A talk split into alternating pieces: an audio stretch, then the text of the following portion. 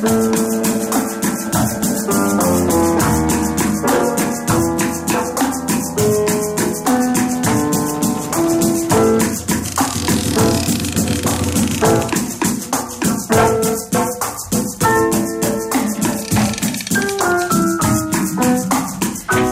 amb aquesta bonica melodia, aquesta, perquè ja sabeu que sóc de Tarragona i la S no la conec, i donem la benvinguda a Quique Ramos. Bona nit. Hola, molt bona nit. T'he de dir Quique Ramo, per, segons el que acabo de dir, no? Perquè la S no la conec. A mi, mentre no m'insultis, no, no em fa res el que em diguis. Ja sabeu que és una secció meravellosa, aquesta que es diu Contra la bona música. I aquí tenim l'amic que cada setmana ens convenç del que hem d'escoltar. És discos que la majoria considerarien dolents, però que a ell, a ell li han canviat la vida. De fet, avui el que us vaig és quasi a convidar que em feu un d'aquests, perquè, bueno, vinc a parlar dels... Què vol dir? Que ens convides a què? A que feu discos com, com Ah. aquests que poso. Perquè avui vi- vinc a posar els Tissues Finais, el, el grup del, del Miguel i, bueno, de dos personatges misteriosos que es fan dir Mike Moco i Michael Knight, que en realitat veure, són la mateixa I persona, el els Miguel tres. qui és? El Miguel és el, el... Ja ho explicaré, va. No? O sigui, ens ho Ho tindràs... deixo pel final. si ah, però és d'aquí o d'allà? És d'aquí, és d'aquí. És d'aquí, de, de Barcelona. Se'n cau el micro de l'emoció i tot. I res, doncs, al finals dels anys 90 va escriure un article amb un fanzine que es deia Vendetta, mm -hmm. que també és un fanzine amb, amb una mica de misteri que ja, ja explicaré fora de micro, perquè si no... no Però què està passant, no? Els oients s'ho mereixen. I jo el que vull és llegir una mica el, aquesta mena de manifest o invitació del, del Miguel perquè, perquè sentim agafem una la música primer, o no? Si, si em deixes, Va. a mi m'agradaria començar explicant una mica Doncs va, traiem, traiem la sintonia i que així, a, a, a, a pèl, Vale, va. ens expliquis què deia el manifesto del fanzine Vendetta. Doncs és, un, és una mena de manifest o manual de com ser un guitar hero, um, que va escriure el, el mateix Miguel per aquest fanzine. Castellà, I comença eh? així, sí. Hola, amiguitos. Seguro que a muchos de vosotros os gustaría tocar la guitarra y pasarlo bien tocándola. ¿Habéis empezado a recibir clases? ¿Os habéis negociado un manual de esos? ¿Sí? Entonces os habréis dado cuenta de que la cosa es puñetera. ¿O no? Eso de los acordes es una tortura. Hay que retorcerse los dedos en posiciones antinaturales sobre unas cuerdas metálicas que te hacen daño en los dedos. Quizá pienses que tanto sufrimiento no será en vano, y te mortificarás para conseguir hacer tres acordes seguidos en un año. A la mierda. Si lo que quieres es tocar ya y pasártelo bien, hay un método mucho más sencillo, rápido, agradable y divertido que me lo enseñó hace muchos años Fernando, el desaparecido guitarrista de Antidogmatics. Quizá no puedas hacer maravillas con él, pero si estás más cerca de Johnny Ramone que de Mark Knopfler o como se escriba, atiende un poco y ya verás.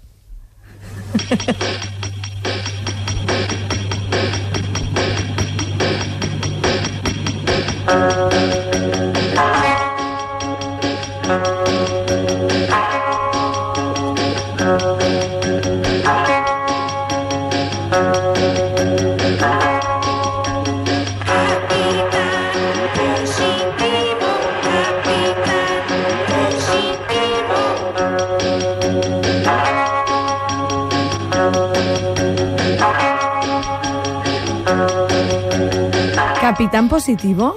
Capitán Positivo. Y segueix eh, explicant així.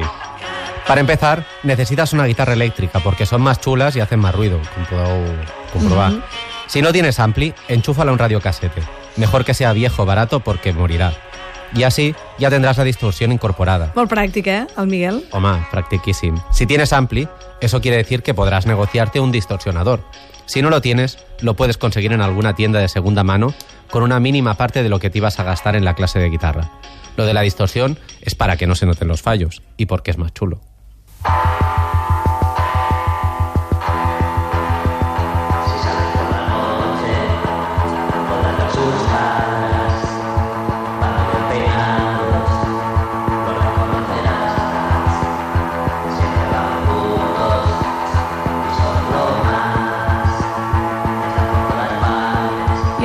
Vols explicar qui és aquest Miguel, no? Encara no. Um, Fa-li interessant. Llavors, tio. ve una part on el Miguel explica com afinar la guitarra de manera que puguis fer els acords amb un sol dit, Mhm. pressionant només tres cordes. Uh, o sigui, crec que és una mica farragós de, de llegir aquest tros, perquè realment parla de la tercera corda, l'afines com no sé què, bueno, coses que no tinc ni idea. i que si voleu ja ho escanejo i, i ho poseu on vulgueu. Però bueno, segueix, segueix així. Con esto, amb aquesta nova afinació, Només falta que ens expliqui com tocar amb un dit, perquè llavors ja m'enamoro. és així, és així. Sí? Sí, sí. Con esto, amb aquesta nueva afinación, se consigue que al poner un único dedo sobre la guitarra presionando las cuerdas 6, 5 y 4 más o menos, suene un acorde de esos que con la afinación normal te hubiera hecho retorcer los dedos. Creo que es un fa, no estoy seguro. Así, y con un solo dedo, ya podéis tocar todo el repertorio de vuestros grupos favoritos. ¿Cómo? Ahora ya depende de vosotros, pero pensad que tocar música solo consiste en mover los dedos de sitio rítmica y armónicamente. Tenéis que ir moviendo vuestro dedo arriba y abajo por el mástil de la guitarra y ya veréis qué chulo. Esta es la voz del Stugni primero de 41 kilos, un recién nacido que crecerá rápidamente.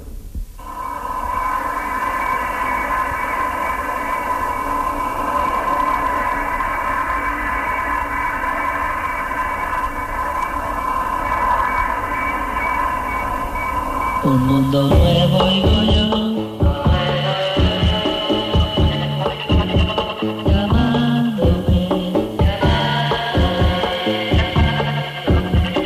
Extraño y real.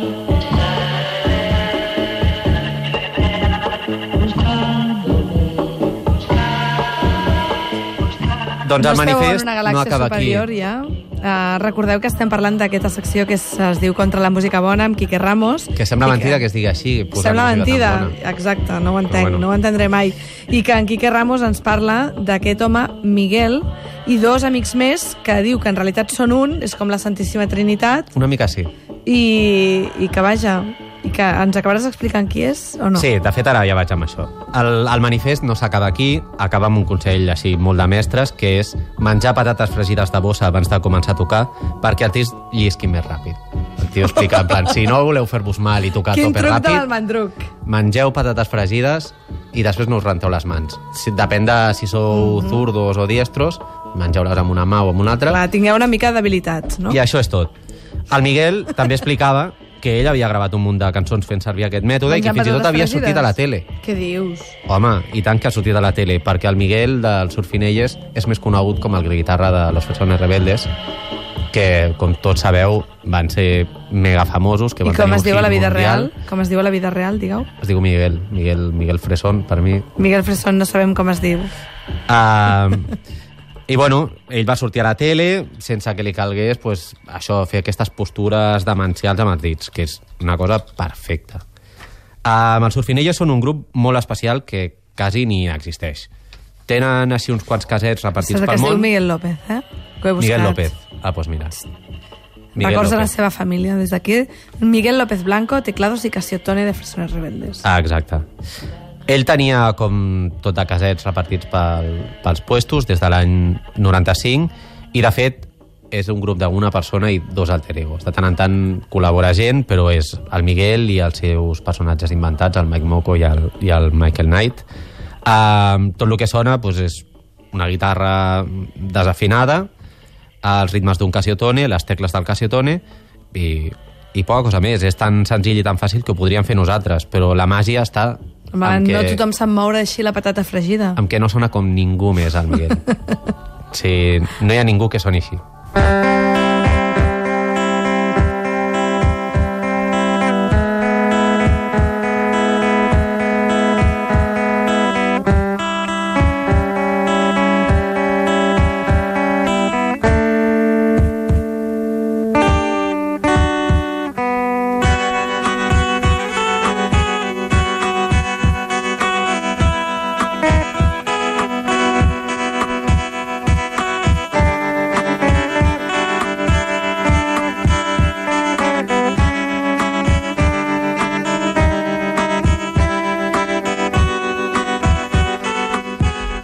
Quin és aquest tema? Doncs aquest tema, d'aquest tema n'hi ha diverses versions a les maquetes, així com perfeccionades, entre cometes, es diu Les cartes més bonites, i, bueno, o sigui, la veritat és que totes les maquetes d'aquest senyor, doncs, hòstia, per mi van ser molt importants perquè em van fer conèixer moltes altres coses. Ja, però Quique Ramos, sempre et faig la mateixa pregunta. Si ara ens està sentint algú i s'acaba d'enamorar de la música de Miguel, Uh -huh. com ho ha de fer per aconseguir aquest disc? Enviar una carta a Miguel? Segurament sí. Una carta d'amor? Segurament sí. T'has sentit el cabaret elèctric i no puc deixar de pensar en tu? Ah, sí. No hi ha cap altra manera? Bueno, per internet es troba com alguna maqueta així d'algun- d'alguna persona bona que, que l'ha volgut compartir amb el món. Uh, en el meu cas, com que ja feia dies que volia parlar de, dels surfinelles, li vaig demanar al Miguel si em podia gravar un CD perquè jo no sóc capaç de passar els cassetes a Ah, a perquè CD. no us ho perdeu, ha vingut amb casets, Quique Ramos. Sí, bueno, és que, clar, jo començo a fer-me gran i, i a la meva època encara la gent repartia casets. Uh, va, to torno, torno un momentet. Faig perdre el fil, eh? Sí. En directe era bastant difícil de veure el, el Miguel Mhm. perquè no tocava més que una vegada o dos a l'any, perquè és bastant tímid. A més, si anaves a un concert seu, havies d'estar molt atent perquè ell començava a traïció mentre la gent estava fora. Era l'única persona de la sala que començava puntual a fer el que havia de fer Com ha de ser. i no li importava gens si estava sol, de fet, segurament ho preferia. Uh, les... Bueno, abans heu pogut sentir una versió dels Television Personalities i una altra de, del Joe Meck. Uh, bueno, les maquetes estan plenes de versions i, bueno, de fet, jo vaig descobrir aquests dos grups en concrets i algun, altre, algun que altre més uh, per sentir les versions que feia ell a les seves maquetes, perquè, bueno, per mi, que era un adolescent de barri als 90, sense internet ni res, doncs els surfinelles eren la millor versió que podia existir d'internet. Per què? Un senyor que et donava casets i que et feia descobrir coses que després bueno, volies trobar i, i, i et feien feliç. Sí, era el, com el doctor Demento, però super plus. Sí, Super més com a si el prop. doctor Demento toqués aquestes cançons. que és a. Sant Andreu de... teu barri, no? Mm.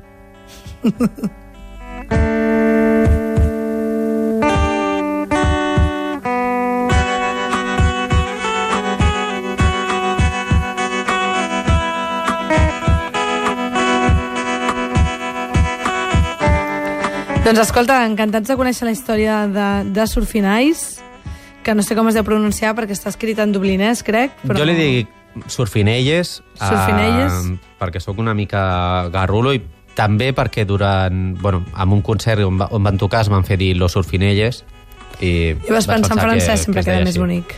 Sí, los surfinelles. Les Surfinelles, les merveilleux. Som com els ganglios, ja parlem en francès, coses que passen. Doncs eh, nosaltres hem, acabem aquí, tornarem demà a les 9 de la nit i recordeu que aquest concert, el concert de la setmana, aquest dijous a la Sala Polo, a la Polo Store, serà amb els bonics estimats Hermano Escobero. Fins demà, amics. Adéu.